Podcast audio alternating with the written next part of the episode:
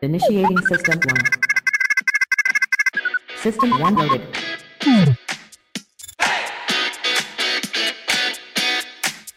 Ben je nou zo dom of is het niet? Waarom stel je dan deze vraag? Ben ik nou degene die zo slim is of ben jij zo dom? Nu ben ik weer de, de, de arrogante klootzak, de autoritaire klootzak. Ja goed, als je het niet begrijpt, sorry. Ho maar, ik heb het goed verwoord. Je mag het omschrijven, je mag nog je commentaar erop geven. Maar dat zijn allemaal domme vragen.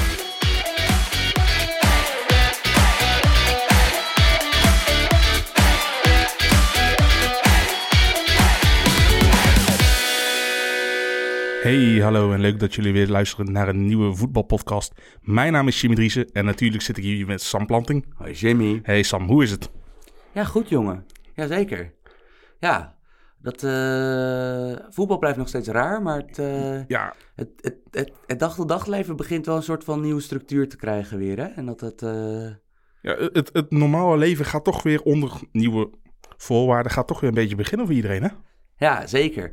En in dat opzicht is er natuurlijk, ja, bijna niks is normaler dan Feyenoord die met het bord op schoot scout, toch?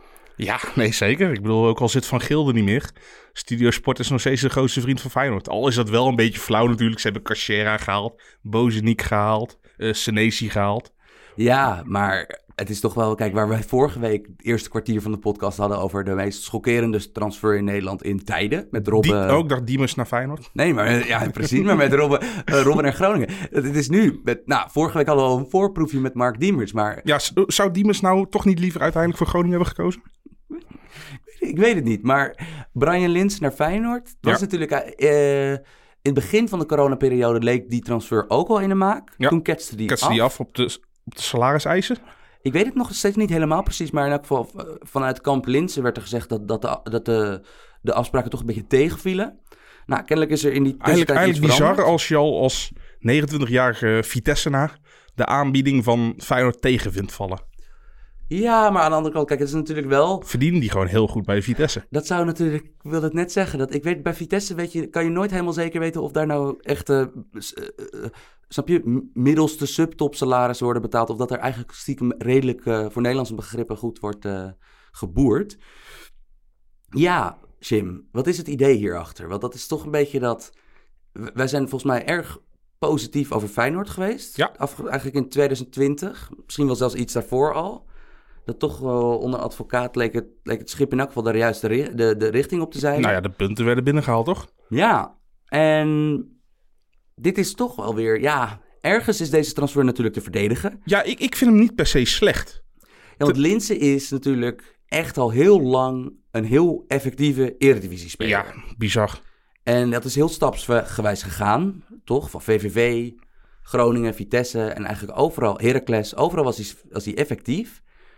Maar aan de andere kant, jij hebt ook al het, eh, eh, ja, het, toverwoord gezegd. Hij is 29. Ja, maar, er is altijd een maar. Als je ook kijkt naar hoe de selectieopbouw van Feyenoord eruit ziet. Kijk, ze gaan natuurlijk van wat, wat ervaren krachten gaan ze afscheid nemen. Ver heeft dan wel bijgetekend. Van de Heide is weg, Bottegien is weg. Osjakoub, ja, wat daarmee gaat gebeuren weten ze niet. Mhm. Dus je hebt toch wel iemand die er in principe... hoeft hij niet te wennen aan het land. Want ja, ik bedoel, hij is direct inzetbaar. Hij heeft altijd in Nederland gevoetbald. En het is wel iemand die, die op de top van zijn kunnen op dit moment zit.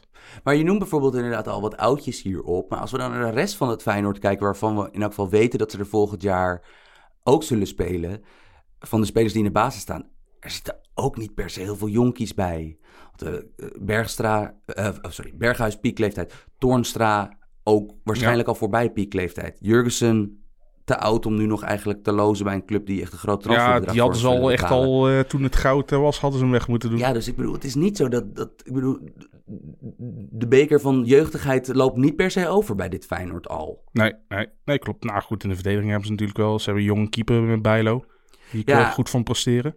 En natuurlijk, de meest hoopgevende speler naast Orkan Kutsu was vorig jaar natuurlijk voordat eigenlijk de boel op de rit kwam, was Sinisterra.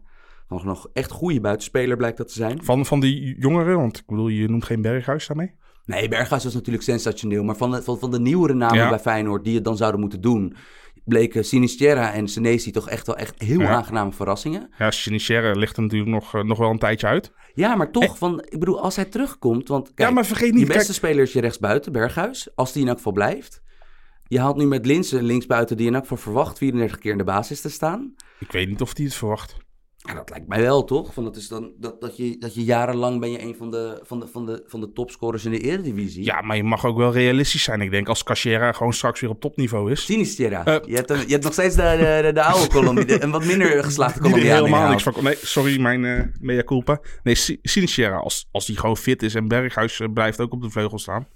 Ja, dan, dan lijkt mij niet dat Linse per se basisspeler is. Maar Nee, maar vandaar dat ik deze transfer toch, dat ik wel denk van, jongens, Maar wat, is dit nou? ja, wat is dit nou? maar vergeet niet dat ze ook Larsson hebben verkocht natuurlijk. Daar hebben ze goed voor gevangen. Mhm. En je kan, ik denk dat je dit eerder als een directe vervanger van Larsson kan zien. In plaats van een lange termijn oplossing als Sinistera weg is. Maar het is toch, kijk, bij Feyenoord heb ik altijd zoiets van, zeker gezien het, de populariteit van die club, gewoon de, behalve de intensiteit van die fanscharen, ook gewoon de omvang van de achterban, denk ik. De ja. Toch op de lange, op de korte termijn moet je natuurlijk de fans enigszins normaal voetbal voorschotelen, noem het allemaal maar op. eh, resultaten boeken eh, binnen, binnen het, eh, het, redelijke qua verwachtingspatroon.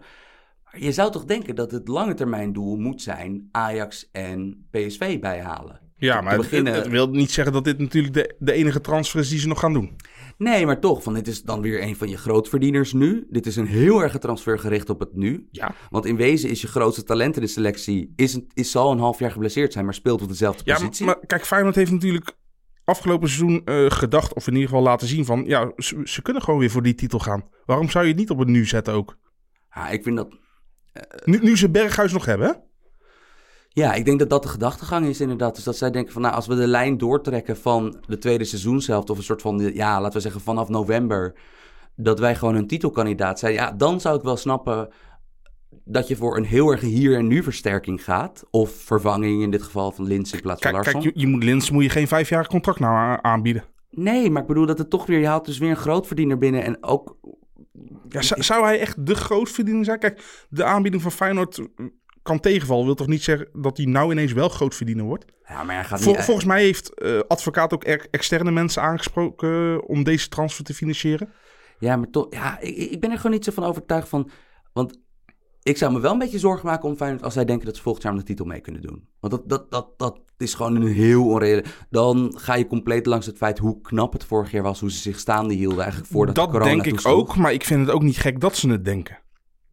Ja, hoop doet leven. Kijk, wij staan natuurlijk veel, veel verder van die club af. Maar ik snap ook wel, als je daar bij Feyenoord werkt, dat je dat gevoel hebt van... Oké, we hebben laten zien dat we, dat we gigantisch veel kunnen winnen. Waarom aankomend seizoen niet? Ja, fair als, je, als je daar, Fair zelf, enough. Nee, als je nee, daar bedoel, zelf als niet je- eh, aan, aan denkt, aan het kampioenschap denkt... dan kan je toch beter gewoon niet voetballen? Ja, Voor maar in elk topclub? geval, ik vind dus de contouren, zeker gezien het, eh, toch het, echt het redelijke succes wat ze met die investeringen, met, met buitenlandse aankopen hebben gedaan. Ik vond de contouren van een toekomstige ploeg in een redelijke hier en nu ploeg. Want bijvoorbeeld Ver stond er meteen. Toornstra heeft een heel goede tweede seizoenshelft gedraaid. Nou, Berghuis is ook er niet eentje, is er gewoon eentje voor nu. Niet eentje voor per se over vijf jaar. Eh, maar ik heb zoiets van, ja, dit is volgens mij het moment dat je, dat je dan enigszins van dat je qua kampioensaspiraties heel veel blikje trap moet doen. Kijk- maar dat je tot die tijd, je, je slaat geen modderfiguur met deze ploeg. Sam, als dadelijk uiteindelijk na het einde van die twee transferperiodes die zijn... Conte, Diemers en Linse de enige drie aankopen zijn... Mhm, geef ik jou helemaal gelijk. Ja. Maar ik vind dat we daarmee echt moeten wachten tot je heel de ploeg ziet. Wat gaat er weg? Wat komt er nog bij? ja. Maar ik denk in elk geval dat, eh, zeker gezien het feit dat, dat, dat, dat advocaat er dus nog wel even zit. eh, ja, het is wel... is niet weg te krijgen daar. Nee, maar het is natuurlijk wel, Dickie is natuurlijk wel heel erg van taakbewuste spelers. Hè? Van ook spelers die behalve techniek ook gewoon echt functioneel kunnen zijn. Dus ook hem ook gewoon fysieke taken kunnen doen die hij ze opdraagt. Ja, in dat opzicht kan je natuurlijk Linsen wel een en ander toevertrouwen. Maar ja, ik blijf erbij. Een club die kampioen wil worden in een eredivisie waar het verschil tussen de top en de rest heel groot is. Dan een speler weghalen die al tien jaar het prima doet bij de rest. Sam, ze zijn met Van der Heijden en Bottegien achterin kampioen geworden. Ja, en dat was toch de uitzondering, denk Ja. ik. En niet, eh, en niet Nee, de zeker, regel. maar het kan dus wel. Het kan dus wel. Dat wil, die Als geef ik je alle naam. sterren goed staan. Ja, en over sterren gesproken. hey, bruggetje. Maar even als we het over echte sterren hebben. Ehm, het sterrenensemble wat, eh, nou wat zal het zijn? Onge- nou, nog ineens anderhalf jaar geleden tegen Ajax of all, of all teams compleet ja, Ja, uit elkaar leek te vallen. Real Madrid. ja, maar welke lijm ontbrak er toen? Ja, de, de, de Zinedine Zidane-lijm. Want Ja. het is onvoorstelbaar dat... Sergio Waar- Ramos was ook afwezig natuurlijk. Ja, maar waar, waar Real Madrid in wezen met dezelfde gezichten als vorig seizoen... in die eerste maanden nadat Ronaldo weg was... en Zidane, tussen haakjes... ja, is die club leek helemaal op instorten te staan. En met die club bedoel ik dan gewoon de gouden generatie... die die vier Champions Leagues won. Maar ja, Zidane heeft er gewoon een heel solide ploeg van gemaakt. En wij, wij zaten er net even ter, in de voorbereiding eh, eh, voor deze podcast te kijken. Van, ze zijn eigenlijk al binnen in, in Spanje met nog vier speelronden te gaan. Als je de uitslagen ziet, dan denk je meer dat Atletico Madrid is. Ja, ik bedoel, het is de hele tijd 1-0, 1-0, 1-0. Ook heel vaak penaltytje Ramos, kopbal Ramos. He- heeft hij niet al gewoon tien, tien doelpunten? Er volgens, volgens mij is hij na Benzema de meest scorende Oh, dat sowieso. Re- Real speler dit Dat seizoen sowieso, maar in ik de denk, ook dat, competitie. hij- ik denk dat hij in de, in de top 6, 7 moet staan van de Spaanse competitie qua goals. Maar ja, wel allemaal penalties. Maar Nou ja, Koe- Koeman eh, is er ook zo'n keer eh, groot mee geworden, toch? Ja, maar het is wel onvoorstelbaar dat een ploeg. Want we zien het wel vaker, hè, dat topclubs dat het opeens helemaal op is. Eh Bayern München eigenlijk twee seizoenen geleden. Ja, maar die maakt dezelfde revival nou mee Ja, en, met hetzelfde geraamte. Eh, en topclubs kunnen ook echt instorten. Maar dat een generatie spelers echt klaar leek. En dat dat gewoon niet het geval is. Ja. Dat laat wel zien dat, dat dit, dit is een nederlaag voor, voor de groep mensen die zegt... het maakt eigenlijk niet uit wat voor trainer je hebt als je topspelers hebt. Ja, en het is ook een nederlaag voor degene die zegt... ja, je hebt bij Real Madrid... was er zoveel te danken aan Ronaldo... Ja, dat, dat wat er omheen ik- stond ik, niet ik- boeide. ik- kijk, ik ga niet zeggen dat Ronaldo alles deed natuurlijk. Maar ik, ik had wel echt mijn twijfels van ja, hoe nu verder op dit punt. Want, want eigenlijk ook heel die kern, die zit eh, over de 30 of tegen de 30 aan. ja, Eh, leek mij heel erg verzadigd ook. Niet, eh, niet in de Spaanse competitie, maar vooral Champions League. Want die hebben ze natuurlijk ja, nagenoeg de laatste jaren alleen maar gewonnen. En als je dan ziet ja, dat... maar totdat het op de meest echt banale en echt opzichtige manier helemaal misging tegen Ajax. Want het is ook, kijk, je, je kan wel eens tegen een uitschakeling aanlopen. Toch dat Thomas Müller er in de laatste minuten beslissende inprikt of wat dan ook. Maar dit was natuurlijk ja, dat je hebt ze... uitgeschakeld worden en ja, uitgeschakeld uitgeschakeld worden. tegen een club die niet in een topcompetitie speelt. Met En- 1-4 in Bernabeu. Ja, ook Van- gewoon gedeclasseerd werd. en gedeclasseerd werd. Want je kon niet zeggen dat Ajax dat niet verdiende die dag. Of dat Real Madrid in de arena nou zo grondig al Ajax op een, eh, op een eh 1-2 achterstand had gezet dat, dat het eh, kansloos was. Maar ja, zo zie je maar weer dat Zinedine Zidane... Ik heb wel eens het idee dat waar heel veel...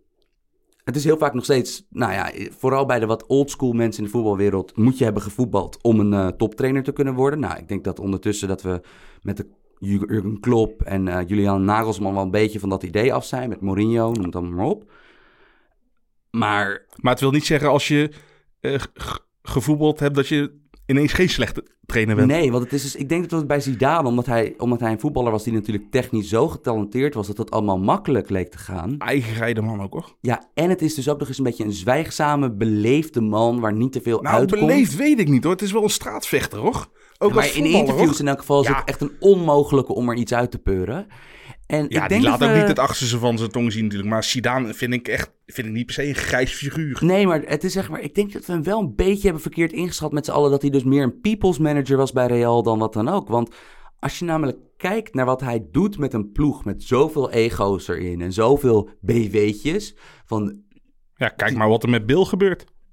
ik bedoel, maar eh, ja, kijk bijvoorbeeld de grootste club in Nederland, Ajax. Van dat bijvoorbeeld, nou, Tadic heeft zijn hele, snap je, zowel Tadic, Ziyech, Promes, noem het allemaal op. Al die sterren hebben hun eigen eh, omringende mensen, hebben hun eigen waarden. Eigen hebben hun- entourage, gebruiksaanwijzing als Exact. En dus moet je je voorstellen hoe dat bij een club als Real is. Waar, ja, factor eh, maal 10 nog. ja, waar, de, waar de reserve linksback 60 miljoen kost.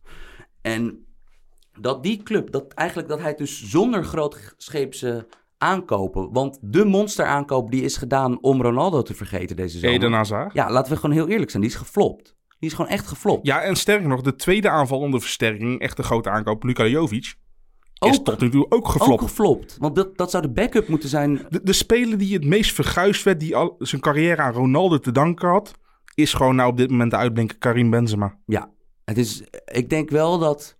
Kijk, Benzema zal voor altijd die asterix hebben dat hij in het, de sterkste landengeneratie die in elk geval ik heb meegemaakt, en ik denk jij ook, gewoon dat Frankrijk wat, wat wereldkampioen werd en dat Deschamps nog... Je zou nog aan Spanje kunnen denken en Frankrijk rond 98, 2000. Ja, misschien Frankrijk, inderdaad, Frankrijk eind jaren 90 zou kunnen. Spanje wat eh wereldkampioen en Europees kampioen werd. Ja, maar als je kijkt wat Deschamps bijvoorbeeld bij het WK, 8, WK 2018, wat hij thuis kon laten qua topvoetballers. Ja, maar goed, hij zet, hij zet alsnog Matuidi linksbuiten en Giroud in de spits. Maar dat bijvoorbeeld dat Benzema daar ontbrak. En dat hij natuurlijk gewoon überhaupt door het Ja, hij is ontbreken bij het Frans persona team. non grata daar natuurlijk. Ja, en het, het zal natuurlijk nooit. We zullen. Ik bedoel, die rechtszaak loopt nog steeds. En het was toevallig was het deze week is hij weer opgeroepen om te verschijnen. En over, dat gaat het natuurlijk. ging over rechtszaak met Valbuena. Ging dat? Ja, want dat is dus. Nou ja, het verhaal bij Benzema is nog altijd dat hij als tussenpersoon heeft gediend bij het afpersen van een ploeggenoot uit de nationale ploeg. Ja. Mathieu Valbuena, dat kleine mannetje wat vroeger bij Marseille speelde. Speelt Lyon. tegenwoordig bij Olympiakos Piraeus, toch? Ja. Volgens mij speelt hij ja. inderdaad bij Piraeus. Ehm,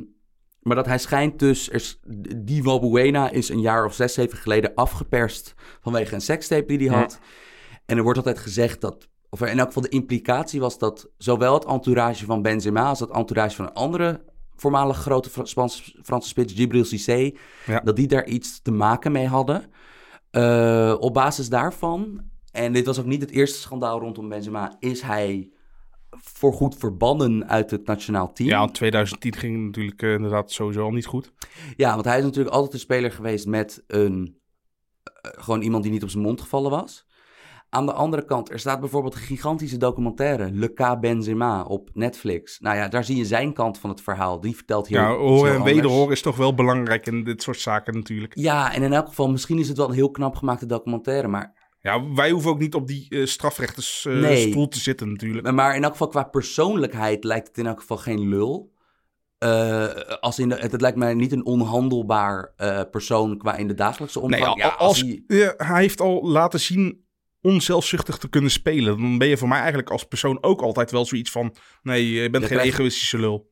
het voordeel van de twijfel totdat die twijfel eh, het tegendeel daarvan bewezen is. Zeker, ja. Maar dat Benzema is eigenlijk sinds Ronaldo weg is. Want ook in de periode dat het gewoon echt kut liep bij Real Madrid. Dat is dus uiteindelijk wat dus culmineerde in die, die vernedering tegen Ajax. Maar ook al in de competitie niet goed ging. Toen Ben- was hij ook al sensationeel. Benzema en Ramos zijn altijd de stabiele factoren geweest daar. Ja, en dat is dus bij Benzema. Ja, waar Ronaldo is natuurlijk het soort spits. Van iemand die nooit de bal afstaat. Iemand die geen meter mee zal verdedigen. Ronaldo is altijd het soort superster geweest. waarbij je toch in de schaduw moet staan. Benzema heeft dat. Laten we wel wezen, wel voor anderhalf miljoen per maand salaris. Heeft dat al die tijd gedaan. En was dus altijd tevreden En met... nou, jarenlang zit hij er al bij, hè? ja, maar dat hij was dus altijd tevreden dat hij in een seizoen 15 goals en 10 assists had. In plaats van De- 25 de- goals de en 15 bliksem- assists. Hij was altijd de bliksemafleider. Hij was altijd de bliksemafleider, altijd de meevoetballende aanvaller. Maar dat je nu ziet dat nu hij de ster is. En hij is al ruim voorbij de 30. 32 is hij volgens mij, hè? Ik bedoel, het is... Hij, is denk ik de enige die in de categorie centrumspitsen valt... eh, waar Lewandowski momenteel in zit. Maar hij wordt eh, bijna nooit genoemd, hè? Nee. Kijk, je had Aguero, je had Suarez, je had Lewandowski. Cavani. Ronaldo natuurlijk. Cavani, Higuain, gewoon die generatie, Zlatan. En dat, dat Benzema werd vrij vaak vergeten in, die, in, in, de, in, de, in, dat, in dat hele groepje. Of in elk geval, of die werd dan als laatste genoemd in dat groepje.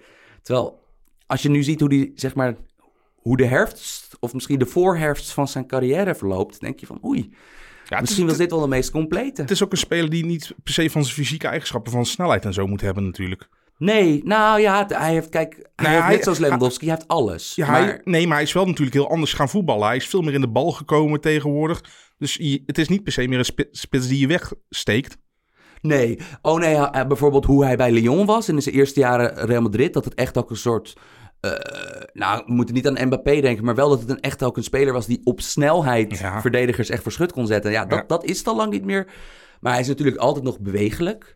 Ik denk ook de slimheid van zijn bewegelijkheid is, is, is ongeëvenaard. Van hoe hij, hij- hoe hij zich vrij weet te spelen, zowel in het, Het, het, is gewoon een, het is gewoon een heel intelligente speler. En, en dat moet ook wel, want anders kan je niet zo lang in de baas staan bij Real Madrid. Ja, en het leuke is dus dat zelfs in dit succesvolle Real Madrid-team is vanwege dat floppen van Hazard en de, de andere eh, he- eh, helft van die transferpolitiek bij Real Madrid. Want dus A, Hazard is geflopt, mede door blessures, maar ook gewoon doordat hij echt zijn vorm is kwijtgeraakt. Is die nog totaal niet de speler geweest die hij bij Chelsea was. Gaat hij gaat die het nog worden? Ik heb mijn gaan we- twijfels hoor. Daar moeten we het zo meteen weer even over hebben, maar dat lijkt me lastige. Bill is nu nou, eindelijk geslachtofferd na al die jaren. Dat het kamp binnen de club wat vond dat hij altijd moest spelen omdat hij zo duur was, lijkt toch een beetje nu, nu hij echt zeg maar... Ja, ehm, maar Zi- Zidane, die, die, die, die boeit dat gewoon helemaal niet. Nee. En dan dat je kijkt dat eigenlijk de andere aanvalsopties daaromheen. Je hebt natuurlijk, we hebben het al eerder wel eens gehad over dat Real Madrid heeft in de toekomst geïnvesteerd. Heeft ja, iets met gedaan. Vin- Vinicius Junior, Rodrigo, eh, ook, eh, hoe heet die andere? Reinier. Ja, Reinier eh, ja, van Flamingo komt ja, die. want ze hebben dus Drie drie, Braziliaanse ze spelers. hebben drie, zo, ze hebben drie transferperiodes op rij. Hebben ze ruim 50 miljoen betaald voor een Braziliaanse tiener. En het zou natuurlijk heel goed kunnen dat één of twee daarvan, of misschien wel alle drie, dat dat supersterren worden. Maar dat is nu nog steeds natuurlijk, ja, een 18-jarige of 19-jarige jongen bij Real Madrid, dat, dat, die gaat niet de superster al zijn. Nee, wel een 21-jarige. Ja, maar Op het dus- middenveld. maar het is dus grappig dat eigenlijk de puzzel rondom van wie er dan in de 4-3-3 naast Benzema spelen, is nog altijd niet opgelost. Want Isco krijgt om de twee maanden weer een nieuwe kans. Ja, en speelt dan één keer geweldig en, is, en zakt Ja. daarna weer weg. Marco Asensio is eindelijk na lang blessureleed weer terug. Ja, dat lijkt dan degene te zijn die de, het meeste krediet heeft bij, ten, bij, eh, bij zijn Zidane. Omdat dat toch een beetje qua puur talent waarschijnlijk... Ja, en als je ziet hoe goed hij bezig was voor zijn blessure. Ja, maar hij heeft ook wel mindere periodes gehad. Ja, maar, Want bijvoorbeeld die goal tegen Ajax met dat bammetje smeren was zijn eerste goal in een half jaar tijd. ja, toen. maar wie niet bij Real Madrid? Ja, nee, maar dat is dus grappig. En eh, nou ja, Ik vind het, ik vind het erger als een, als een Bill al jarenlang niks laat zien. Terwijl hij toch een van de, de spelers zou zijn die je op sleeptouw moeten nemen. Dan, eh, dan een Asensio die toen nog 22, 23 was. maar het is bijvoorbeeld nu echt, het is, elke wedstrijd is de vraag wie er naast Benzema spelen. En eh, bijvoorbeeld die twee jonge Brazilianen, Rodrigo en Vinicius. Ik bedoel, ja, een blinde kan zien dat die heel getalenteerd zijn. Maar dat is toch altijd een beetje een mixed bag wat je krijgt van, ja, welke versie krijgen we van die jongens? Bijvoorbeeld een Vinicius beetje, kan een de- beetje coinflip is het van, eh, heeft hij een goede dag of niet? Ja, want Vinicius kan bijvoorbeeld als invaller een wedstrijd in drie, in drie flitsen beslissen. Maar die kan ook wel eens een wedstrijd meedoen dat je denkt van... Ja, maar dat- die dat- moet nog een tijdje in Jong Real Maar eh, dat, even- dat vind ik altijd het heerlijke aan vooral, voornamelijk jonge buitenspelers. Ja, dat, dat, dat, dat de puzzel dat die echt nog gelegd Dat moet is echt worden. hè? alles of niets altijd. En die leven echt bij de gratie van de actie. Gaan ze de eerste actie aan, lukt het? Spelen ze de sterren van de hemel? Lukt het de eerste keer al niet? Ja, dan, dan is, het, is het gedaan. Ja, en jij wilde er net al naar me toe, want er is dus één speler, er is één nieuw gezicht echt definitief bijgekomen bij die ploeg. Ja. Na die ploeg die, die, tegen echt- Ajax die onderuit echt ging. doorgebroken is. En je ziet ook eigenlijk hoe En dat die... is, wacht even, dat is Federico Valverde. Ja, Uruguayaanse speler. Ja, het is een Uruguayaan, maar ik denk dat je hem qua speelstijl... Want kijk, waar Frenkie een en al techniek is, is hij denk ik de tegenhanger. Ik denk dat Federico Valverde meer te vergelijken is met wat Arturo Vidal een paar jaar Hij geleden is een was. speler Of- die eigenlijk altijd vanwege zijn spel te weinig waardering zal gaan krijgen. Ja, want het is een vechter. Het is een echte vechter. In dat opzicht een echt Uruguayaanse speler. Van, het is dus ook... Zidane in moeilijke wedstrijden stelde hij hem dit seizoen ook op als rechtsbuiten. Met gewoon simpelweg de, bijvoorbeeld tegen Barcelona van ja, maak eh, Al- Jordi Alba's leven maar onmogelijk. Maar het is dus een speler die en techniek heeft en kracht. eh, op elke positie op het middenveld kan spelen. En voornamelijk ook, dat had dat middenveld natuurlijk wel heel erg nodig, een extreem loopvermogen heeft. Ja, want kijk, Kroos en Modric. Ik bedoel, Kroos is pas 30. Ja. Maar is nooit een snelheidswonder of een loopwonder geweest. Nee, nee. Nee. En Modric, ja, ja, daar is het best ook gewoon wel vanaf, toch? Ik denk dat van alle spelers bij Real Madrid, dat, dat in dat voorafgaande aan die val tegen Ajax, was denk ik van alle spelers die de grootste klap qua kwaliteit had gekregen, toch wel Modric was. Dat hij na dat WK, ja, Ja, maar misschien waren de verwachtingen ook wel te hoog natuurlijk, hè? want nu wel Wereldvoetbal, zo, van, wereldvoetbal van het jaar geworden. Modric speelt nu, nu eh, in deze laatste weken dat Real Madrid die titel aan het veiligstellen is, speelt hij ongeveer twee op de drie keer wel mee in de rotatie op het middenveld. Maar hij is, hij is bijna 35, Sam, hè? Ja, maar het is bijvoorbeeld wel zo dat als op de, in de wedstrijden die er echt toe deden... en als Valverde niet als valse rechtsbuiten werd gebruik- gebruikt... was het dus echt zo van... het is Kroos, of het is eh, Valverde die, die samen met Kroos het moet doen... en niet Modric. Want het is natuurlijk wel zo dat de, de, de stille ster van dit team... en ik denk ook, dit Real Madrid is een stuk verdedigender geworden... is natuurlijk Casemiro. Want die heeft jarenlang natuurlijk een beetje... dat het zo was van, oh, Real Madrid, dat, zijn, dat is een keeper, negen sterren en, en Casemiro. Ja, maar, maar elke trainer stelt hem op. Ja, maar, en hij is natuurlijk nu... Het is ook geen echte Braziliaanse speler Nou, maar natuurlijk. het is, het is de, Ik- ik had nou, eerder- het is Dunga, maar het, het- het- toch? Het is, het is de Ja, Dunga, sloper. ja, maar Dunga had, had nog wel iets sierlijks over zich heen. Ja, dat heeft Casemiro niet. Nee, eh, als het een Uruguayaan was, had ik het ook geloofd. Ja, want bijvoorbeeld waar de enige verdedigende middenvelder die qua verdedigende kwaliteiten in de categorie valt van Casemiro, N'Golo Kanté. Bijvoorbeeld, die heeft nog aan de bal, omdat hij zo klein en rap is, heeft hij nog iets sierlijks. Terwijl dat heeft Casemiro niet. Terwijl als je eenmaal op hem gaat letten, denk je opeens van ja, maar ho eens even, dit is helemaal niet zo lo- dit- Hij heeft bijna dezelfde waarde voor Real als Busquets. Eh, eh, het bij is heel Barca erg heeft. cliché, maar dit soort spelers vallen pas op als je ze niet opstelt. Ja, want bijvoorbeeld verdedigend is, als jij ziet wat elke week wat voor puin Casemiro wegruimt, dat eigenlijk dus in die zone tussen het middenveld en de centrale verdediging, dat gewoon, ja, als hij in die zone is, gebeurt daar niks. En dat is heel knap. Maar het is dus wel grappig dat waar we vroeger bij Real Madrid zouden opbouwen van, nou, ze hebben dit en dit doen ze prima, dit en dit is wat minder.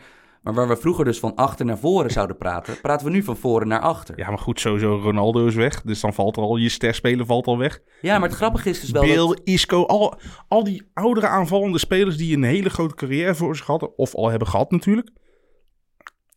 Ja, zo'n Isco ook. Ik bedoel, ja, wat, wat moet Real daarmee? Eh James Rodriguez. Ja, want die hebben we nog ineens genoemd. Want Nee. die is dus van, van ook... nou, Die is ook nooit, nooit gelukt. Maar ja, het is gewoon... Zidane heeft een heel harde keuze gemaakt toen hij terugkwam. Want zijn opvolger Lopen de Guy, die, die had En, en bedacht... zijn voorganger. En zijn vorige... ja, om een beetje om er, om er, om er een lekkere tijdreisloop aan te geven. Eh, zijn opvolger Lop- Lopetegui, die mocht, moest dus, had de onmogelijke taak om Zidane na vier Champions League in vijf jaar op te volgen. En die dacht van, nou, we gaan gewoon, nu het elftal ouder wordt, op balbezit spelen. We gaan wat Spaanser spelen. Ehm, wat totaal niet werkte, Nee. want Real Madrid is een chameleon. Real Madrid heeft dan wel de, ik denk van punt A tot en met punt Z, waarschijnlijk nog steeds de getalenteerdste selectie ter wereld. Ja? Ja, ik denk het wel. Nee, nee, ben ik het niet helemaal mee eens, man. Wat bijvoorbeeld zo'n City, daar, City is dan wat, wat, wat het logische antwoord is, maar, Ja, maar, maar Real Madrid is voornamelijk ook heel veel namen wat er nog staan. Maar ja, maar toch. ja, maar die selectie is super klein, vind ik, van wat er nog bruikbaar is. Ik vind City en, en Bayern München vind ik op dit moment, qua, qua basis en qua breedte, vind ik een betere selectie hebben. Ja, qua plafond wel, van wat er mogelijk zou kunnen zijn op een goede dag. Maar Real Madrid is, ja, ik vind als chameleon-team, van dat je nog steeds nooit, no- je weet nooit of Real Madrid hyper aanvallend gaat spelen, verdedigend gaat spelen, op bal Ja, bezit, nee, dat ze de bal zeker. geven. En dat dat toch, en dan... Ze, ze zijn moeilijk te bestrijden, omdat ze allerlei gedaantes kunnen aannemen. Ja, en dat, dat, wel. maar waarom kunnen ze die gedaantes aannemen? Omdat ze nog steeds die paar individuen hebben. die we inderdaad bij, dat, bij die ineenstorting echt hard hebben afgeschreven. Maar ja, bijvoorbeeld, hoeveel verdedigers zijn er beter dan Ramos of Varaan? Nee, maar, maar, maar ja, daar heb je het alweer. Ramos, ik bedoel, ik ga nooit aan hem twijfelen, want die gas is gigantisch. Maar ja, is ook niet meer de jongste. Moet juist... Kijk, ze hebben Militao hebben ze natuurlijk wel een speler die hem kan opvolgen. Maar hij heeft nog niet de klasse als, van Ramos, wat ook niet erg is. Nee, ik denk dat dat is weer hetzelfde als bij Ronaldo. Je gaat Ramos nooit één op één opvolgen. Maar als je sowieso de selectie even kijkt, het, het is een vrij oude selectie.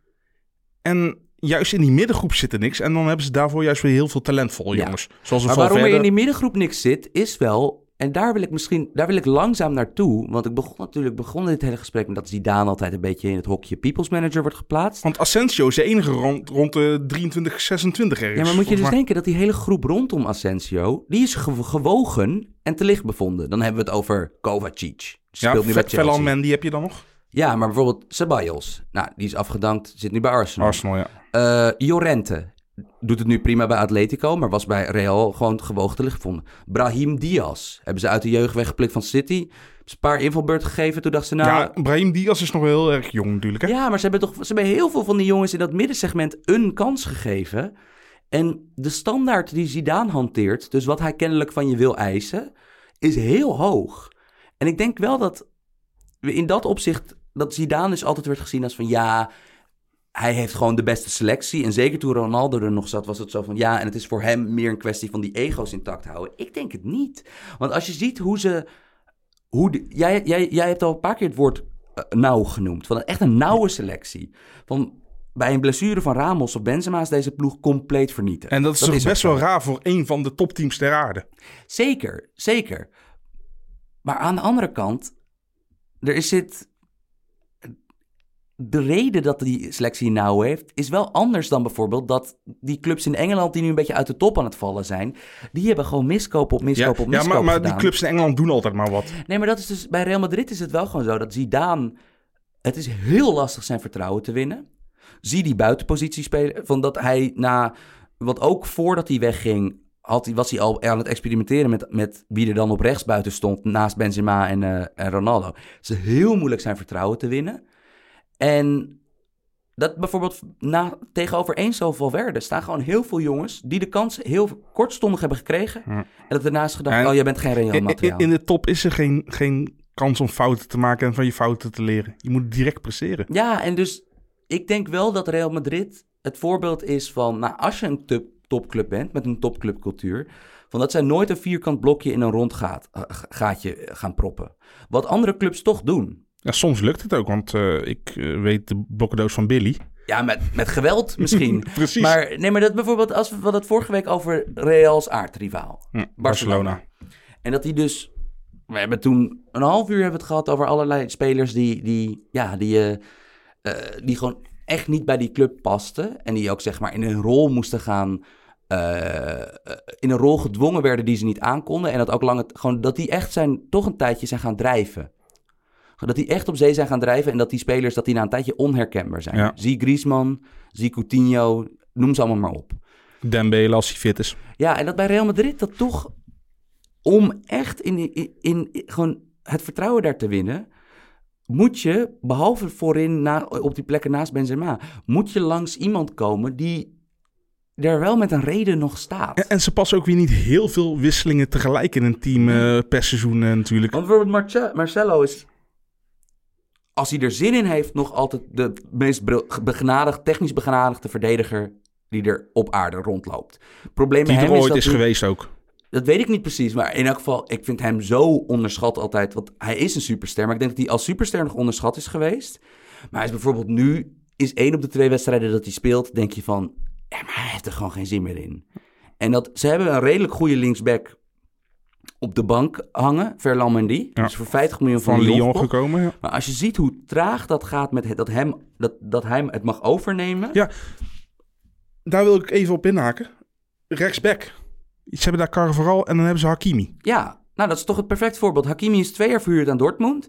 Is daar als wingback sensationeel.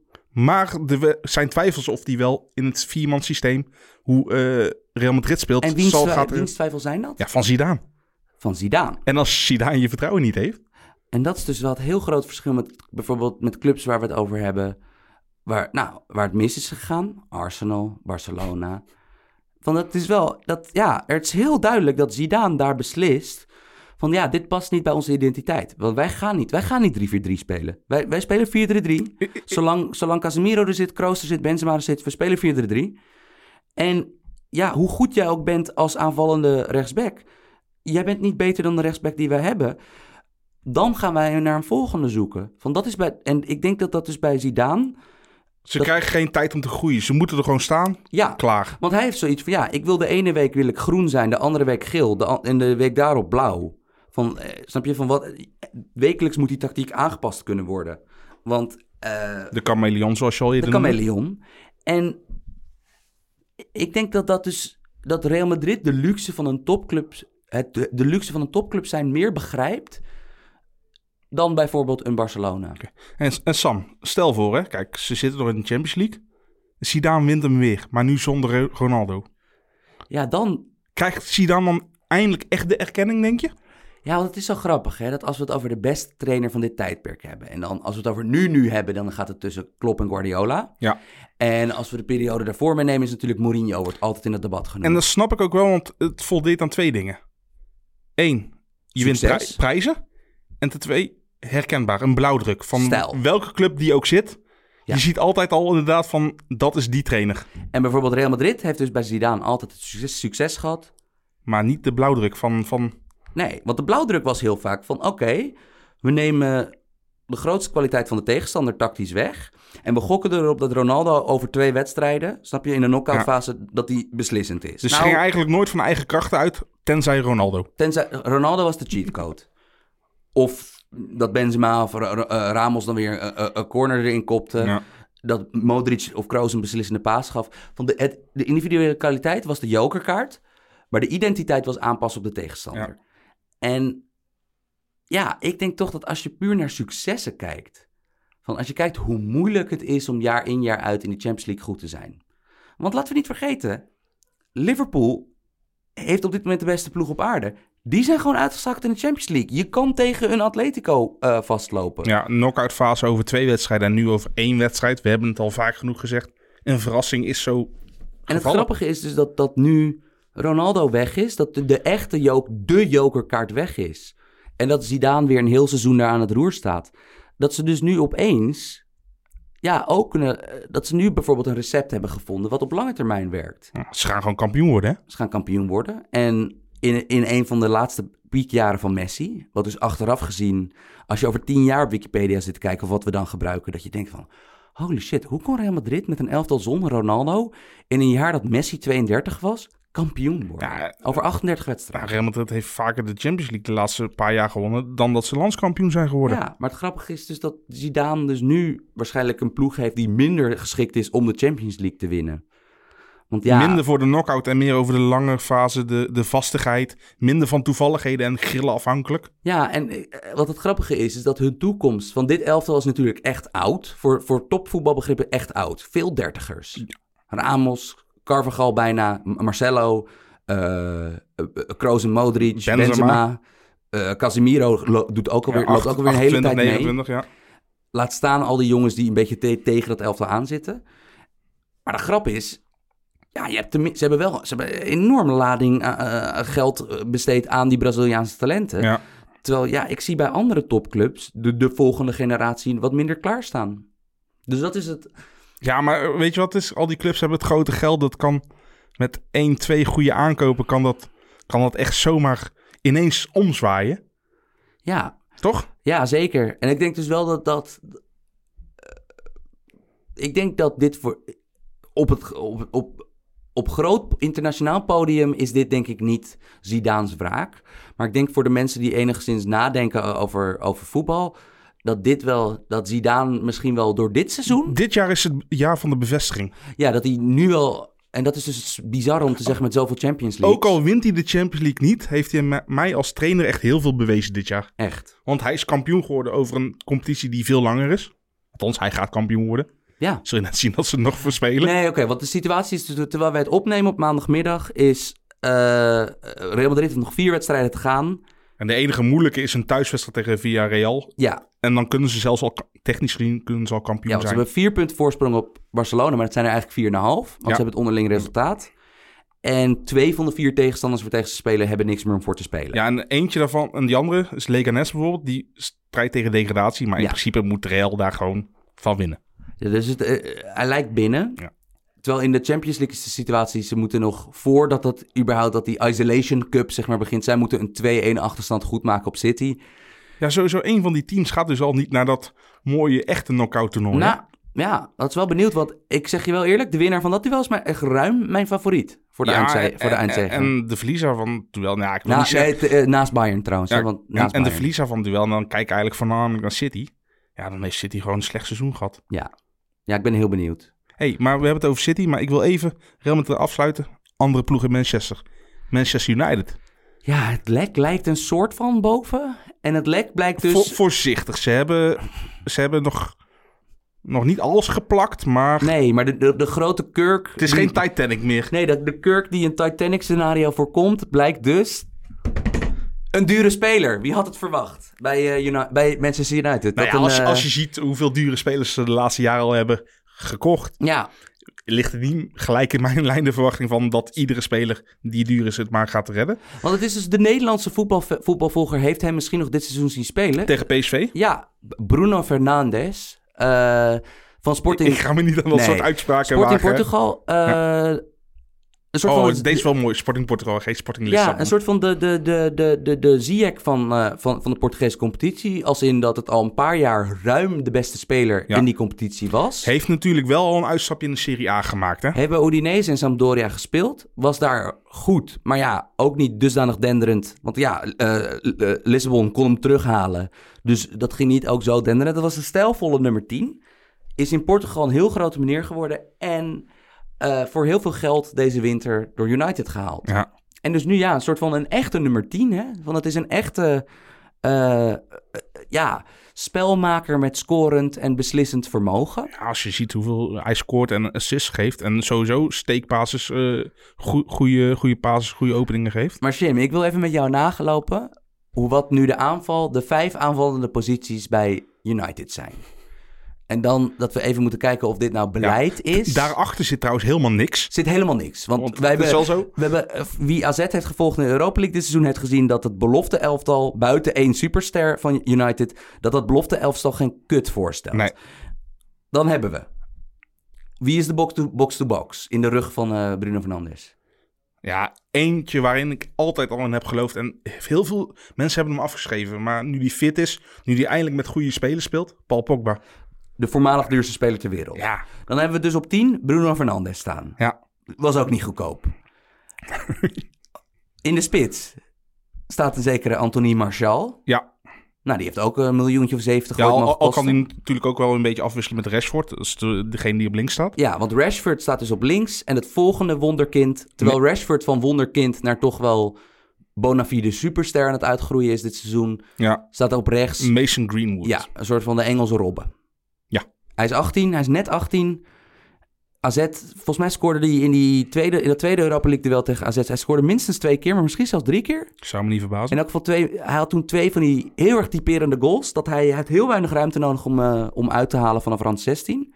En het zieke is dat hij heeft dus met in zijn linkerbeen een robbenschot, maar hij kan ook dingen met rechts. Ja, beter dan Robben op, op eh, zijn leeftijd. Maar we En hebben het dus hier over, de- over drie monster aankopen. Dus echt allemaal in de prijscategorie tussen de 70 en 100 miljoen. En twee, Ja, want Ant- Anthony Martial was, was ook duur, hè? ja, en twee supertalenten. Dus twee jongens die zeg maar in eigen land van hun leeftijdsgeneratie het absolute wonderkind waren. ja. Oh, al is dat bij Engelsen, die worden al vaak omhoog geschreven natuurlijk. Maar als we dan even ook nadenken, Greenwood is 18, Rashford is denk ik 22. En dus moet je nadenken hoe toen die 8 waren, of 8 en 12 waren, nou, wat was toen het team in Engeland? ja, United, Dus waar zullen jongetjes die heel goed kunnen voetballen van 8 op die, in die periode hebben willen spelen? bij United. En ja, dat zal nu tegenwoordig wel weer anders zijn. Exact. Iedereen wil City of Liverpool eh, spelen zijn. Dus ik ben heel benieuwd of we hier over een nieuw, nieuw era hebben bij United. Want ja, In ieder geval een beginnetje. Er is voor het eerst sinds Ferguson weg is. Want ik vind nog altijd dat Van Gaal het heeft het daar niet goed gedaan, maar ook niet slecht gedaan. Nee. Maar die deed toch aan schadebeperking. Maar je kan voor het eerst zeggen dat er een. Ja, er is een soort van identiteit te ontwaren. Maar ja, die identiteit is vijf extreem goede individuen in de Ja, en daar ligt gelijk ook het grootste probleem. Gaat er één van die vijf geblesseerd raken, heeft United echt een gigantisch probleem. En het is daarnaast nog altijd de vraag of Pogba na alle interne tumult en ruzies die hij bij die club al heeft gehad, of die nog na deze zomer Ja. daar wil spelen. Maar, maar zie je die volgend jaar per persoon 5000 minuten maken als ze op meerdere fronten gaan strijden? Ja, dat is dus de vraag. Dat, dat wordt echt, echt gewoon het einde voor die spelers, hoor. Want het grappige is dus, dus dat zelfs zonder de uitspraak of Manchester City volgend jaar Champions League mag voetbal mag spelen, bestaat er een kans dat United ook Champions League voetbal haalt. Want het gaat dus, ze winnen dusdanig veel nu dat ze Chelsea en Leicester City toch Op, de hielen zitten, ja. op de hielen zitten. Wat wij, wat, wat wij echt niet... Wij hadden ook wel een idee van, nou, United dat is al iets beter geworden. Maar dat ze dus twee ploegen die wij nog geen drie maanden geleden echt als aanwijsbaar beter inschatten, dat Ja, ze die dus nu eigenlijk Maar, vooral, op de hielen. vooral Leicester is matig uit, eh, uit de corona-periode gekomen. Leicester zou wel eens een omgekeerde Leicester kunnen doen, hè? Waar ze ooit als degradatieploeg een titel pakten, kunnen ze nu opeens eh, vanuit eh, de, de pole- soort van pole position helemaal wegzakken. Ja, ja, ja. Ja, ja, zou kunnen. Het is- Het is- ik, ik, ik, ik weet niet of ik het per se een, een sprookjesverhaal vind, dit United. Nee, tu- nee, als je zoveel geld hebt uitgegeven en eigenlijk nog steeds eh, totaal geen kans maken op een landstitel en 30 punten achter staat op, op Liverpool. Ja, dan mag je nog steeds eh, spreken van een, van een mislukt seizoen. Want ja, dat vind ik het nog steeds. S- Dat ze, voor dat ze vijfde worden, vierde worden. Ja. Ja, als United moet je eigenlijk ja, minimaal top 2 eigenlijk eh, uitstralen. Maar ja, goed, als je die selectie ziet, hebben ze dat al lang niet meer. Nee. Maar met Fernandes, met een, een fitte Pogba en, en die anderen, die hebben we nog helemaal niet genoemd. eh, ook al afgeschreven, een beetje het Real Madrid probleem had hij. Nemanja Matic. Ja. Ja, maar bijvoorbeeld, kijk, dat is dus... Nemanja Matic is nu achter die, die, die, vijf, die vijf aanvallende talenten die we noemen nu het anker op het middenveld. Maar hij is ook echt nodig hoor. Ja, maar ik ben bijvoorbeeld benieuwd. eh, Dat Nemanja Matic is aan zijn zevende adem bezig. Van, moet je daar dan je hele team omheen gaan bouwen? Nee, nee, maar nee, het hele team wordt om die vijf voorsten gebouwd. Ja, En wie is daar het beste achter als eerste? ja. Nemanja Matic. Want kijk, eh, hij heeft een, een, een nieuw contract getekend en daar waren heel veel mensen verbaasd over. Eh, ik wel enerzijds omdat inderdaad eh, die jongen wordt, wordt 32. Eh, Hoe lang is hij nog top? Hoe, hoe lang kan hij de fitheid aan van de Premier League van meerdere keren per week spelen? Maar aan de andere kant, hij is op dit moment wel gewoon ook een reden waarom Fernandes en Pogba en die andere drie voorin zo goed kunnen renderen. Ja, en hij was natuurlijk ook samen met Kanté ook al de ruggengraat van die ploeg van Chelsea die met Conte kampioen werd. Ja. Waar Hazard zeg maar kon schitteren doordat het, het geraamte gevormd werd van het elftal door, de- door hun verdedigende kwaliteiten. Dat wel, maar aan de andere kant, ja... Van, weet je nog hoe... Het voelde echt een, weet je nog dat hij in Eredivisie speelde bij Vitesse? Dat is echt... Dat is, dat is een eeuw geleden. Ja, maar, ja, maar, maar dat- spelers kunnen toch anders worden? Nee, zeker, maar dat, Eh, maar dat heb, geeft... je, heb je Hatenboeren in, in de Eredivisie Nee, maar dat- gezien? nee, maar dat geeft wel een beetje speelt de- Champions League, hè? Maar dat geeft wel de kwetsbaarheid van United aan. Hè? Dat, dat zo'n Matic, die echt al lang meeloopt... dat dat dus nu een soort van ideale pleister is. Maar ja, die, die krijgt dan weer een contract voor drie, vier seizoenen. En dan blijkt hij vanaf eh, contractjaar twee blijkt hij weer kut. Ja, nou goed. Als, als dat- één team het kan leiden, is het United wel qua, qua geld, toch? Qua geld wel, maar qua prestaties is het natuurlijk van... Het is sinds Ferguson weg is. Ja, ik bedoel, Mourinho... Die prijzen die ze onder Mourinho hebben gepakt... waaronder ten koste van Ajax... Van, ik, dat zijn natuurlijk prijzen waar ze het niet om doen bij die Nee, club. de- normaal gesproken boeit de UEFA Cup, eh, de Europa League, boeit Je een United geen, geen Je stort geen miljard in een, in een voetbalclub Nee. om, om, eh, om de UEFA Cup te winnen. Nee. Van dat, dat, dat is in Engeland gewoon niet hoe het werkt. En ja, ik ben benieuwd. In elk geval, kijk, met Greenwood en Rashford is het in elk geval leuk dat... hoe erg deze club ook weer het succes bijeen moet kopen... dat in elk geval die academie toch weer... ja, voor de heropleving... dat het toch weer die academie bleek te zijn die je Ja. nodig hebt. Ja. En ik vind het wel heel leuk dat elke trainer probeert nu ook het succes van die Rashford te claimen. Terwijl ik denk dat Rashford succes vooral het succes van Marcus Rashford is. Nee, maar, maar United moet ook wel toch op die academie. Ten eerste zijn ze daar in de jaren negentig groot mee geworden. Ja. Dus dat is al een beetje je, je identiteit die je wil doen. Aan de andere kant, eh, de echte toppers, die komen toch ook niet als je het vergelijkt. Kijk, Pogba Nee. daar gelaten. De Gea misschien, maar goed, die, Ja. die was nog jong. Maar je legt het toch zelf voor eh, een, een topspits. Die kan naar Liverpool, naar City en naar United. Nou, die gaat dan nu op dit moment niet naar United. Nee. Doordat zoveel spelers daar zijn mislukt. Maar dan moet United zich toch gewoon veel meer eh, toeleggen op die jongere talenten. Met, met die st- sterke koor eromheen voorin Ja. op het middenveld. Maar in, dat, maar in dat opzicht ben ik, komen we dus weer uit bij dat punt van... Is het, is het probleem opgelost? Bijvoorbeeld als we zo meteen weer aan een regulier Premier League seizoen beginnen... kunnen we United dan als een soort van outside titelkandidaat zien? Nee, nee, want daar vind Nee. ik vind die selectie gewoon echt te smal. Ja, want bijvoorbeeld kijk, bij Chelsea, een ploeg die door die transferban dit jaar toch echt een heel... En met Lampard gewoon echt een goede trainer. Dat, dat die, die zijn echt helemaal, bijna vanaf punt nul weer begonnen. Van die houden een paar...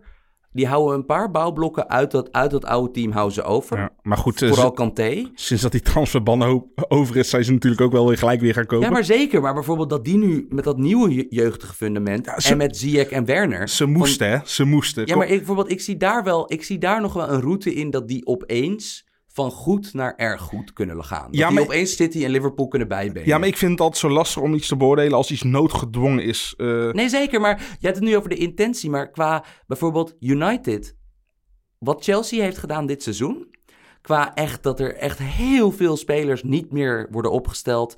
Dat er echt hard gekozen is voor jeugd. Ja. En, eh, maar dus niet op één of twee plekken, maar echt op zes plekken. ja. van bij United zie ik die revival wel een beetje zitten. Omdat simpelweg het individuele talent gewoon geweldig Maar, is. maar de, de echte oudere mensen bij United spelen al niet meer, hè? Die spelen allemaal niet meer. Dus dat is... Dus dat is Want ik denk dat Matic de oudste is in de basis. ik denk dat van die hele... Van echt die bak... Echt 40, 50 spelers. Rocco, Jones. Schneiderlin, eh, noem ze allemaal maar op. Van echt allemaal spelers waar je helemaal niks aan hebt als een topclub.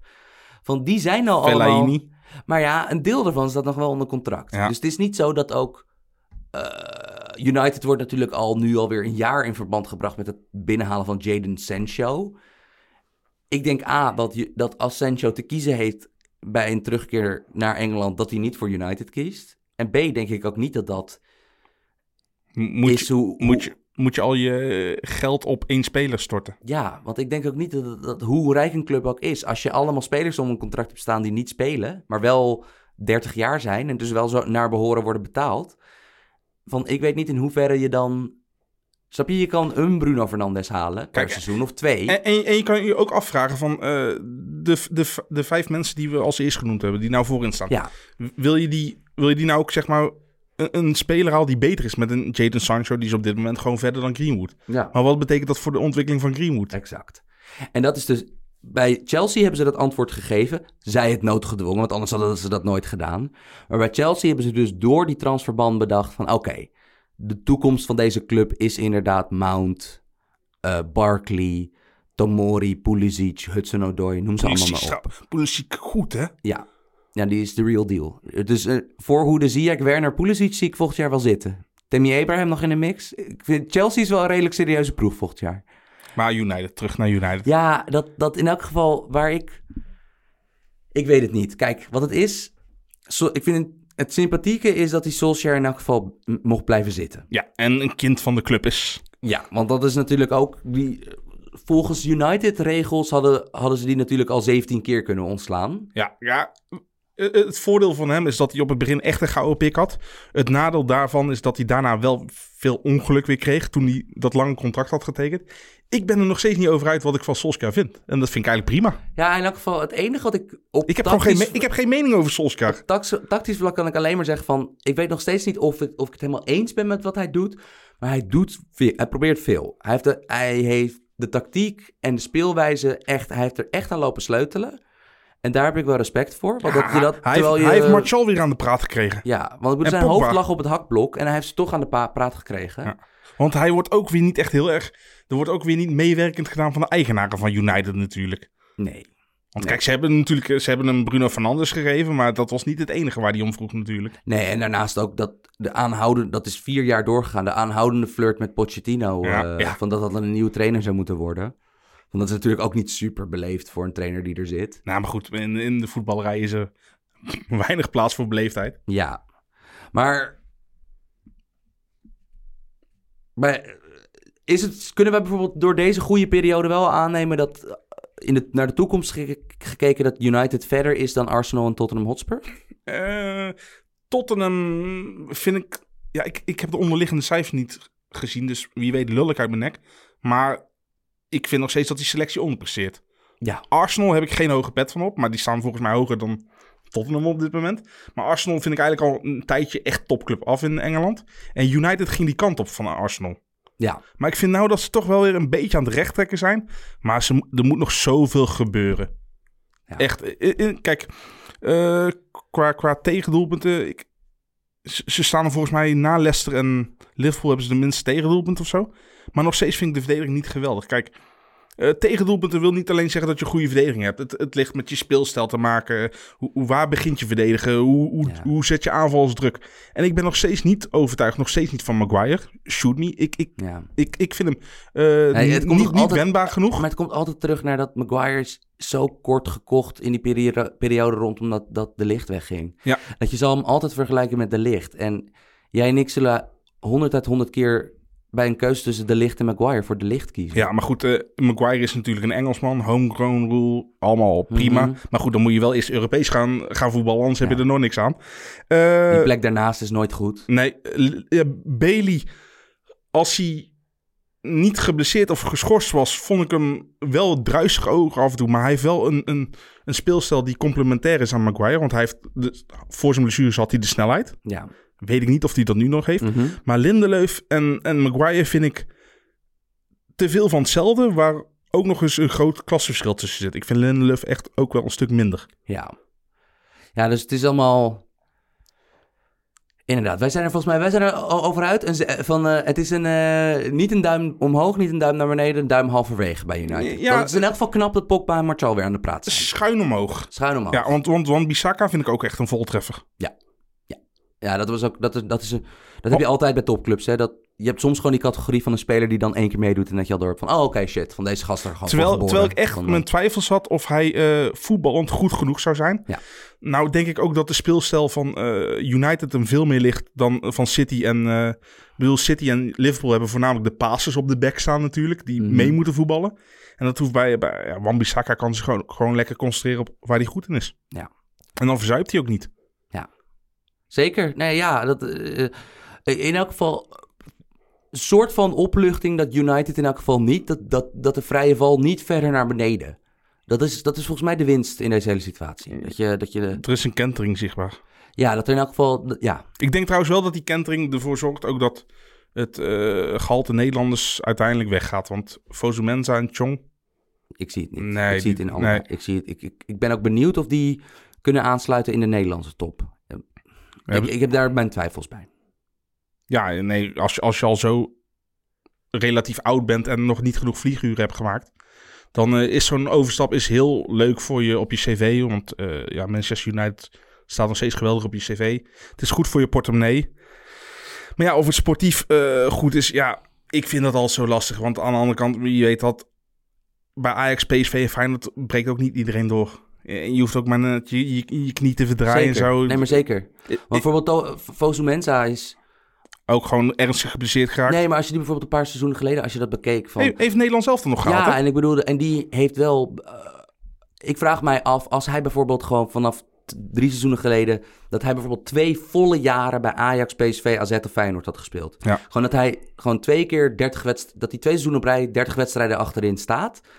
Dan denk ik dat je dan al een heel ander verhaal hebt. Maar dan krijg je een beetje hetzelfde ge- geval als eh, wat je bij Real Madrid hebt. Je hebt bij een zelfverklaard topclub als United, je hebt geen kans om te falen. Nee. Op jonge leeftijd. Je moet er staan en anders dende die trein door. Als je achteraf, als, als zometeen, dus zeg over 10, 15 jaar, dat de voetballoopbanen van al deze spelers die er nu betrokken zijn, een beetje in een plooi zijn gestreken of klaar zijn, zullen we echt verbijsterd zijn wat voor spelers Kerkhoff United is geweest. Dat er Ja. zoveel goede spelers daar onherstelbaar eh, van terug zijn gekomen. Omdat het gewoon zo lastig was om bij een club waar de verwachtingen en de, en het, Ja, en de realiteit eens, zo ver niet eens onherstelbaar. Als je kijkt naar, naar Memphis Depay. Die heeft Nee, dat is waar. pri- Nee, prima, maar bedoel- prima teruggevochten. Maar dat is wat, wat Memphis zo sensationeel maakt. Ja. Dat, dat, dat hij van zo'n optater op zo'n leeftijd dat hij zo is teruggekomen. Dat, dat geeft natuurlijk aan wat voor heart of a lion hij heeft, hè? Knipoog. Oh, ik, eh, ik, eh, ik kan hier niet meer tegen. Nee, Ik, eh, laat er een eind aan breien, Jim. Ik heb het verpest. ja, ik wil nog even een shout-out naar Romelu Lukaku doen. Ja, dat was naar Polski.